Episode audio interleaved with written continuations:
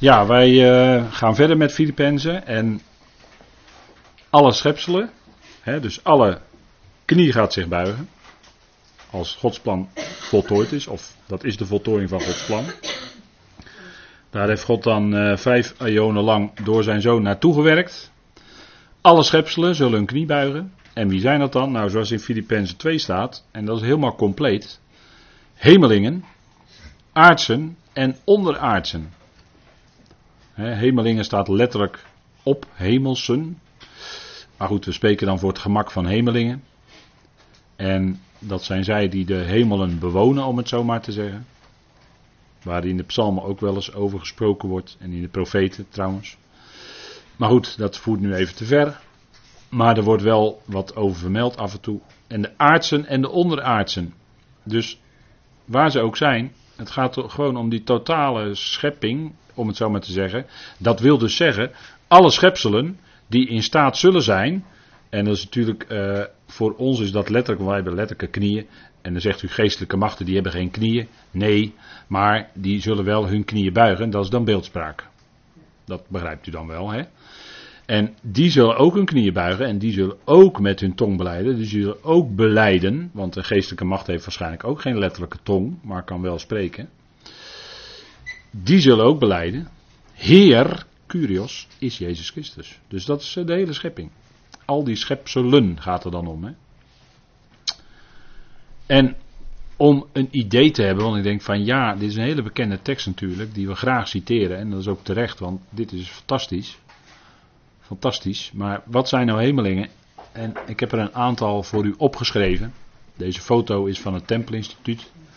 En of die gerubs van de ark er toen zo hebben uitgezien oorspronkelijk, weet ik niet. Daar heb ik wel mijn twijfels over of die er zo hebben uitgezien. Het is erg gestileerd, vormgegeven natuurlijk. Maar wel mooi. En dus uh, door het Tempelinstituut, die foto. Dus je kunt u op de website daar terugvinden. Gerubs, Gerubim.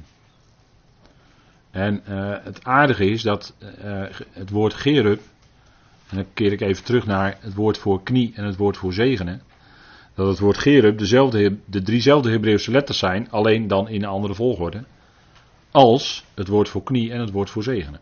En dan zit daar, en trouwens ook voor eerstgeborene, even tussen twee haakjes. Maar daar zit wel een verband dan in hoor. Maar goed, dat voert nu te ver om daar dieper op in te gaan.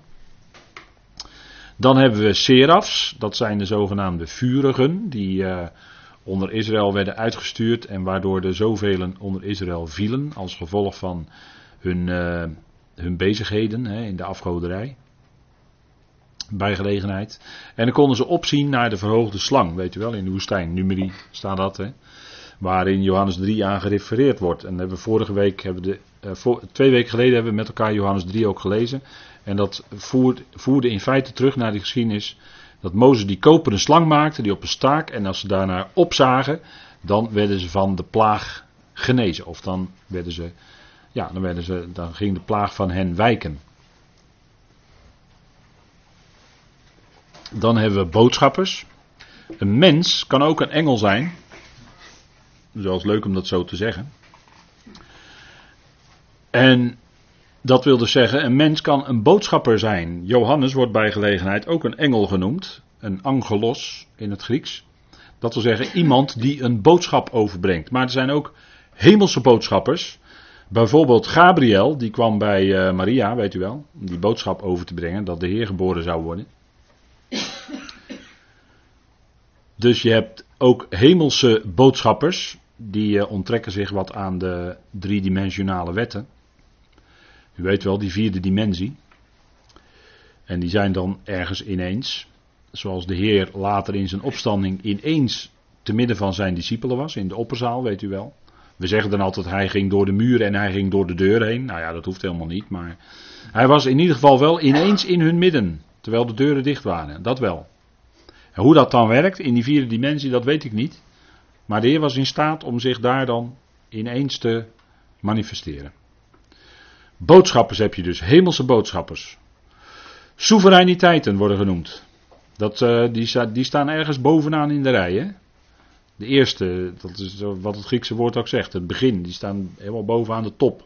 Kijk, een soevereiniteit, maar dan aan de andere kant is bijvoorbeeld de Satan. Dat is een soevereiniteit. Die staat aan de top van de vijandige hemelse hiërarchie, om het zo maar te zeggen. De vijandige hemelse hiërarchie. Satan staat daar als soevereiniteit aan de top. Maar die zal ook eens knie natuurlijk buigen, hè? De, ook de Satan. Heerschappijen, gevolmachtigden, hè, die heb je onder de mensen ook, maar die heb je ook uh, onder de hemelingen. Gevolmachtigden, dus die hebben een bepaalde volmacht. Hè? Van bovenaf, want het woordje uit staat er in het Grieks bij, uit. En die hebben dan een bepaalde volmacht van hogerhand gekregen, gevolmachtigden. En je hebt daar ook krachten, hemelse krachten. Nou, dat is een aantal voorbeelden van hemelingen. En die heb je zowel aan de vriendschappelijke kant ten opzichte van God als aan de vijandige kant. En dan staan ze onder de Satan. Want Paulus schrijft in Colossense 1 dat ook de onzichtbare, het al, maar ook de onzichtbare, ook in die verzoening meebegrepen zijn. Het al is zowel het zichtbare als het onzichtbare, zegt Paulus. Dus die horen er allemaal bij. Al die hemelingen, dat zal één geweldige gebeurtenis natuurlijk zijn. Die zullen allemaal massaal hun knieën buigen en zullen beleiden dat werkelijk, werkelijk beleiden dat Jezus Heer is. Dat Heer is Jezus Christus. Fantastisch natuurlijk, hè? Fantastische boodschap. De aardsen, dat zijn natuurlijk de mensen. En ik heb er maar bij gezet demonen, omdat ik denk dat demonen niet in de hemel zijn, maar dat die op aarde zijn. Die gebonden zijn aan de aarde op een of andere manier. Demonen. Dat zijn ook verspreiders van verkeerde leringen, want het woord demon in het Grieks dat heeft te maken met leer of lesgeven. Teach in het Engels. En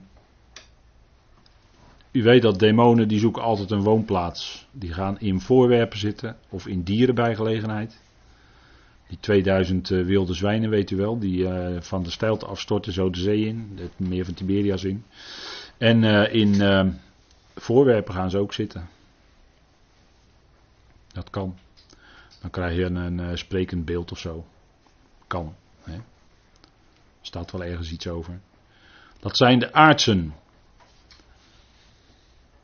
En de Heer Jezus kwam ze tegen.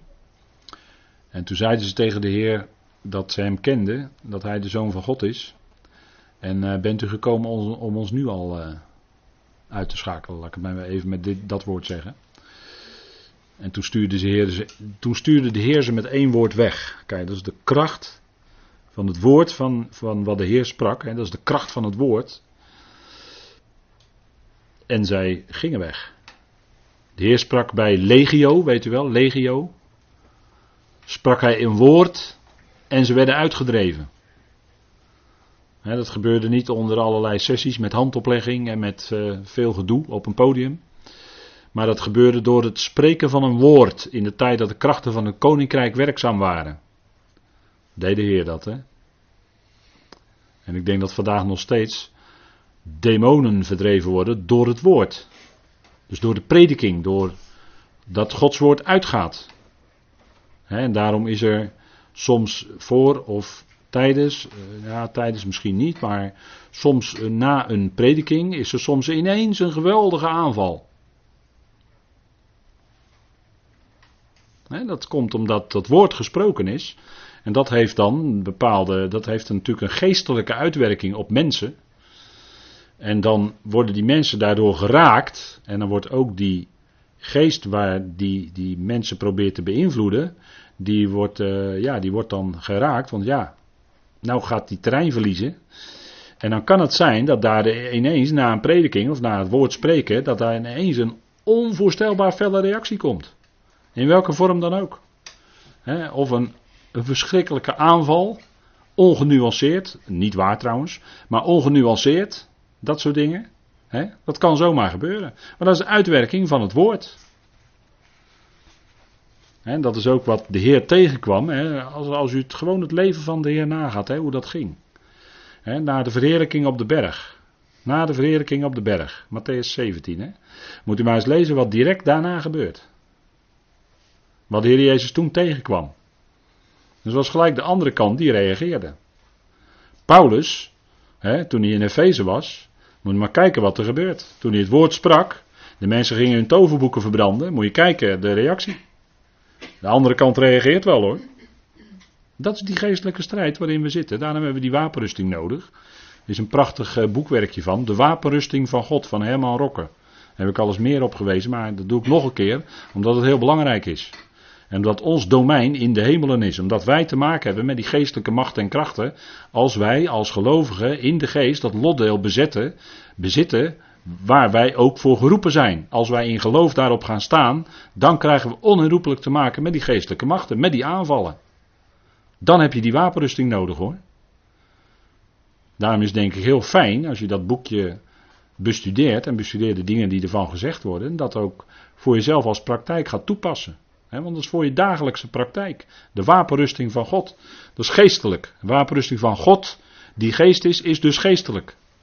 En dat heb je nodig. Voor je leven van elke dag heb je nodig als de aanvallen komen, want die komen wel.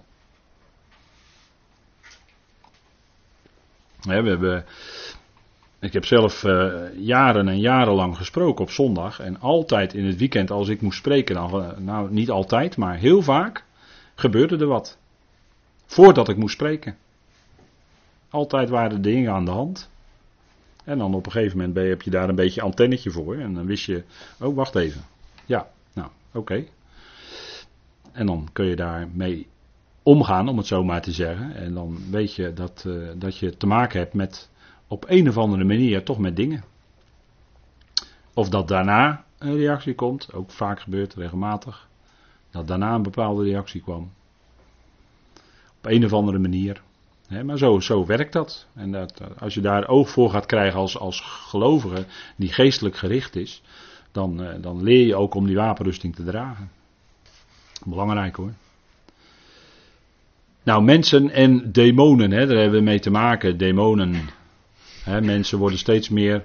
Ik wil u helemaal niet bang maken, daar gaat het echt niet om. Maar kijk, mensen zijn met allerlei dingen bezig, met allerlei filosofieën en met allerlei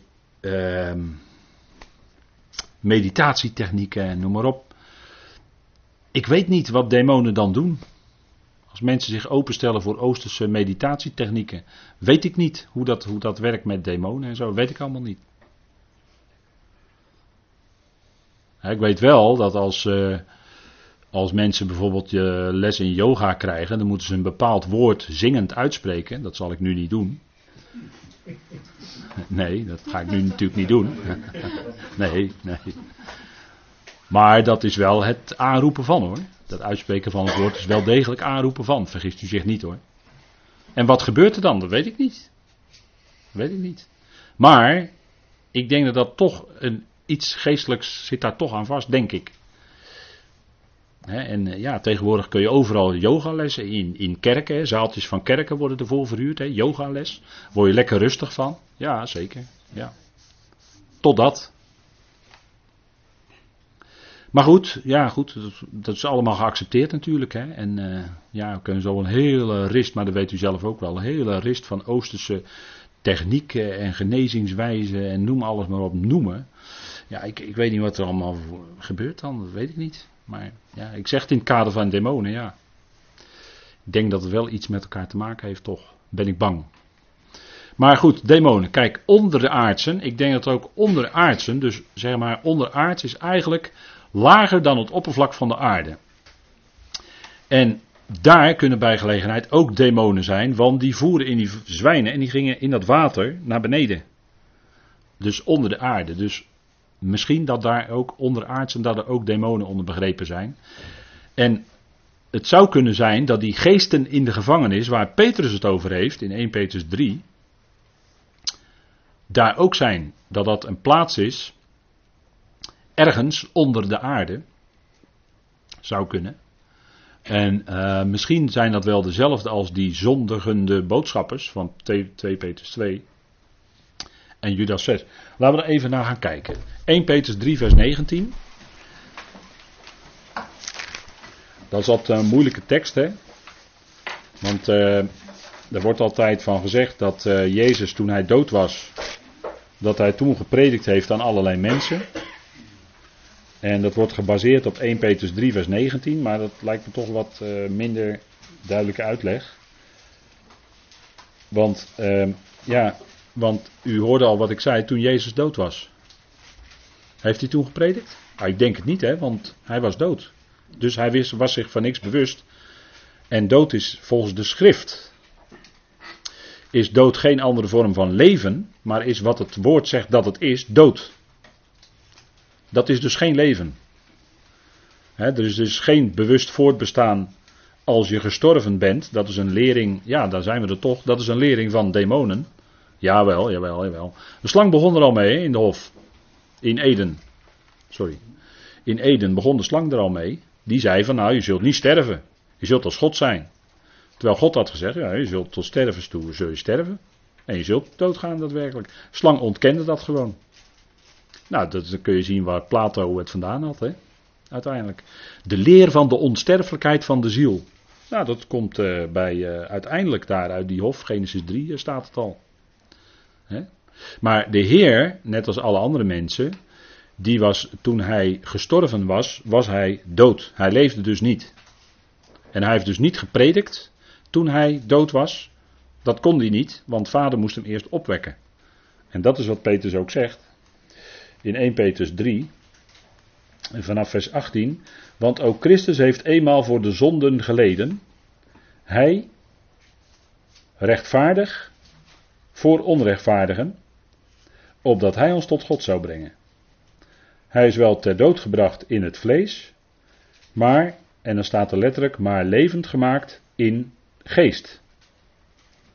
En dan staat er, waarin hij ook heen gegaan aan de geesten in de gevangenis gepredikt heeft. U ziet het, wat Petrus zegt. Petrus zegt, maar levend gemaakt in de geest, dus toen was hij levend gemaakt. En dan staat er, waarin hij ook heen gegaan naar de geesten in de gevangenis gepredikt heeft.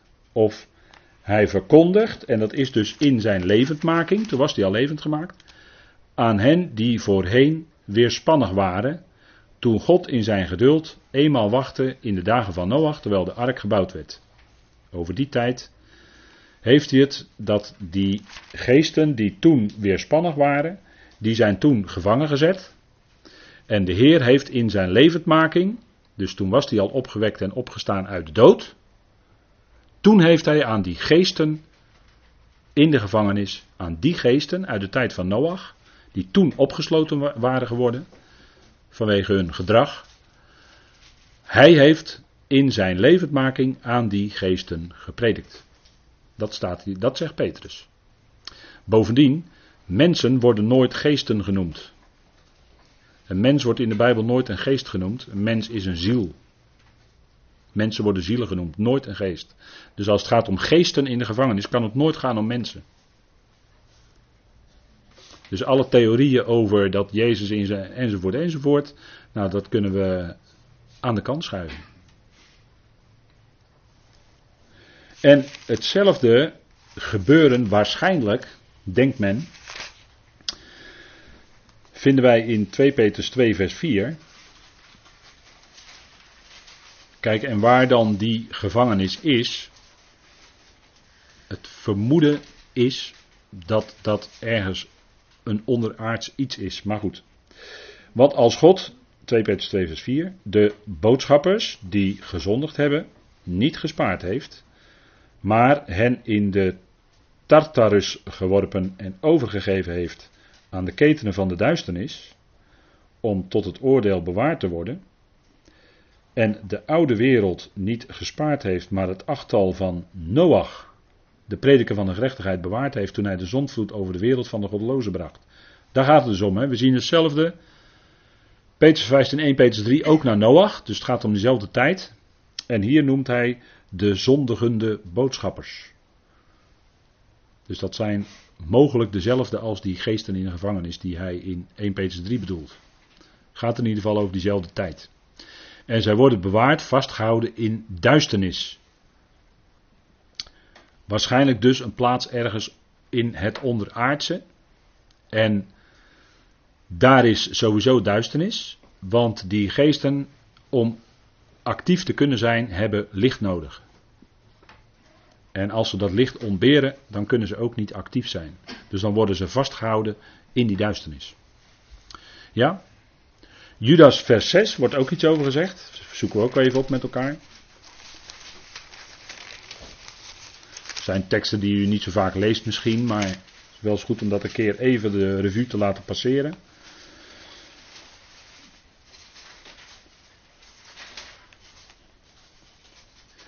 En daar lezen we dus uh, ongeveer hetzelfde als in 2 Petrus 2 vers 4. En de boodschappers die hun oorspronkelijke staat niet hebben bewaard. Dus daar wordt iets gezegd over wat zij gedaan hebben. Ze zijn dus als het ware niet op die plek gegeven. Uh, ze zijn niet op die plek gebleven waar zij van origine gesteld waren. Waren zij dat wel gebleven, dan hadden ze zich in zekere zin onderschikt. Maar ze zijn dus kennelijk uit die onderschikking gestapt. En zijn op een andere plaats gaan staan. En ze hebben misschien zich wel dus verheft. Of zijn in opstand gekomen tegen. Of hebben gerebelleerd. Zo zou je het allemaal kunnen zeggen. Maar in ieder geval hebben ze hun oorspronkelijke staat niet bewaard. Maar hun eigen woonplaats verlaten. Heeft hij voor het oordeel van de grote dag met, en er staat er niet eeuwige, maar met onwaarneembare boeien in de duisternis in bewaring gesteld. dus dat zijn onzichtbare banden. Het gaat hier ook om geestelijke wezens. En er wordt opnieuw gesproken over duisternis. Dus zij worden in die duisternis vastgehouden. Zij ontberen licht om actief te kunnen zijn. En ze worden daarin dus vastgehouden. Ondergronds. Wij zien ook in openbaring een verdere aanwijzing, als u het mij vraagt, hierover. En dat hebben wij besproken niet zo lang geleden in de studies van openbaring, in openbaring 9. Daar wordt namelijk gesproken over de boodschapper van de afgrond. En dat is met er eentje. Dat is geen gezellige. Het woord afgrond zegt het al natuurlijk, maar daar komt van alles uit die afgrond. Dus dat komt van beneden. Dus vanuit, als u het mij vraagt, het onderaardse, de abyssos, dat is het onderaardse en dat is beneden, beneden de aardoppervlak. Ergens in een onderaardse gewelven of uh, weet ik wat. Ruimtes in ieder geval. En als dat open gaat in openbaring 9, nou, nou, nou, dan krijg je verschrikkelijke dingen. Die over de mensheid zullen komen. Verschrikkelijk. En het is moeilijk om dat te duiden. Want er wordt ook in, Johannes spreekt in beeldende taal over de dingen die hij zag. Hij kon ze niet goed, uh, hij, hij, wist niet wat het was. Hij had het nog nooit gezien. En dat, uh, of dat nou modern wapentuig is, ja of nee, dat weet ik ook niet. Maar in ieder geval komen daar als sprinkhanen uit die afgrond. Hè. Er wordt gesproken het woord sprinkhanen. Vers 7 bijvoorbeeld. En de sprinkhanen zagen eruit als, let op het woordje als. Dus Johannes die beschrijft dat waar hij vond dat het op leek, als paarden die voor de oorlog gereed gemaakt zijn. En op hun koppen droegen zij kransen als van goud en hun gezichten leek, leken op gezichten van mensen. Nou, en dan hadden ze een hele beschrijving. En dan komt in vers 11. En ze hadden een koning over zich, de boodschappen van de afgrond. En zijn naam is in het Hebreeuws Abaddon.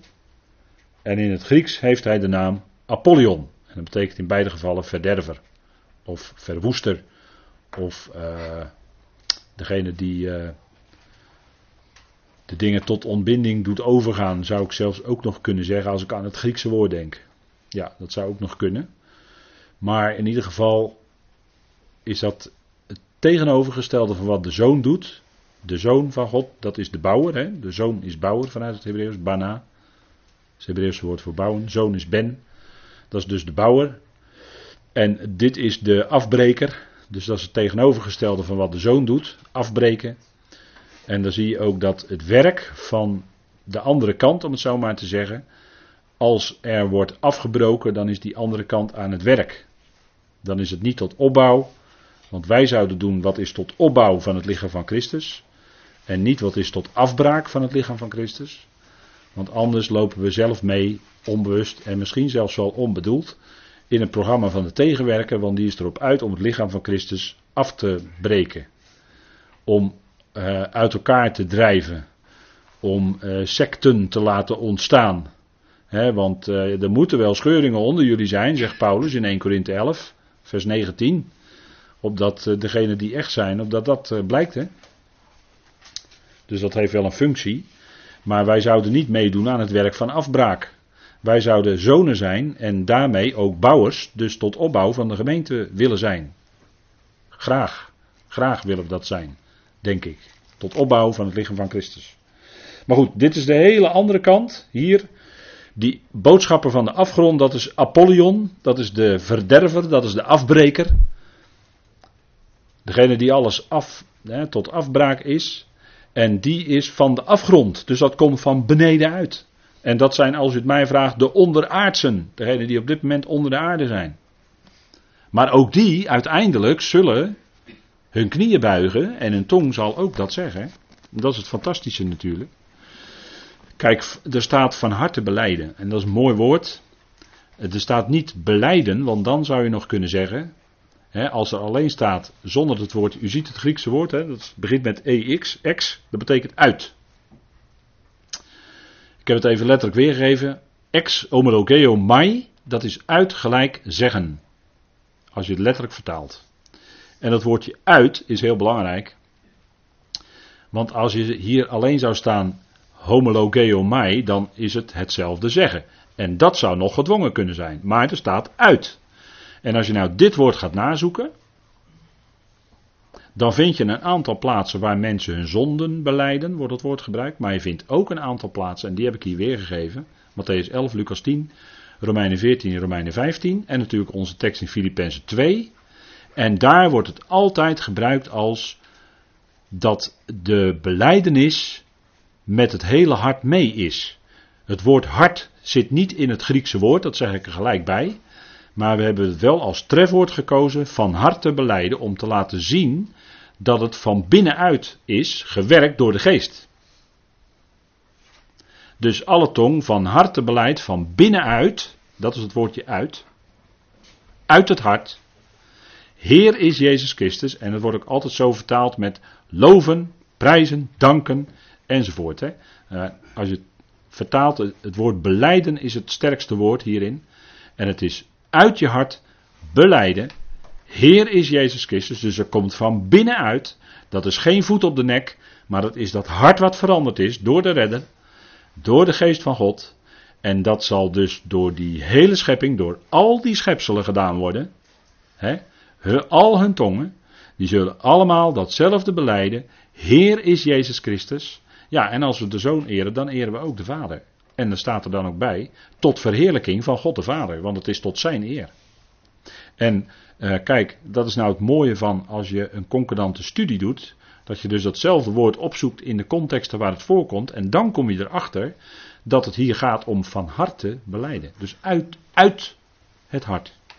Beleiden, van binnenuit, vol van genade, vol van lof, vol van dank. Heer is Jezus Christus. Dan zal iedereen dat erkennen. Iedereen heeft dan met hem te maken gekregen. En dat heeft uiteindelijk hun redding opgeleverd. Want zijn naam is Jezus. Het is in de naam van Jezus, hebben we toch gezien vanavond. Het zal hun redding opleveren dus. Dat kan niet anders. Nou, en zo is het tot verheerlijking van God de Vader. Als, dat is toch wel mooi, hè? Als al die tongen datzelfde beleiden vanuit hun hart, dan wordt hun tong hier gebruikt tot verheerlijking en lofprijs van God. En ik denk dat als we onze tong op die manier gebruiken in ons dagelijks leven, ook als broeders en zusters onder elkaar, bij de koffie, als we onze tong zo gebruiken, ja, dan is het heel fijn, denk ik. Als, we, als die genade die in ons hart zit, ook op onze tong blijkt in wat we zeggen, want we zeggen soms zo verschrikkelijk veel in een uur tijd. Dan sta je er verbaasd over wat één iemand kan praten in een uur tijd. Onvoorstelbaar, onvoorstelbaar wat er dan allemaal uitkomt. Ook bij gelovigen soms. maar als dat hart vol van genade is, Dan gaat die tong ook meeklinken en dan gaat die genade ook in die woorden naar buiten komen. He, spreekt een goed woord, dat is tot opbouw, opdat het genade geeft aan hen die het horen. En dan is het ook tot verheerlijking van God de Vader.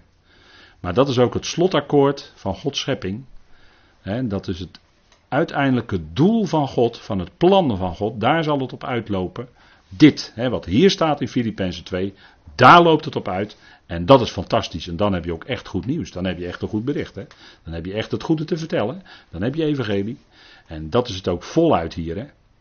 Tot zover voor deze avond.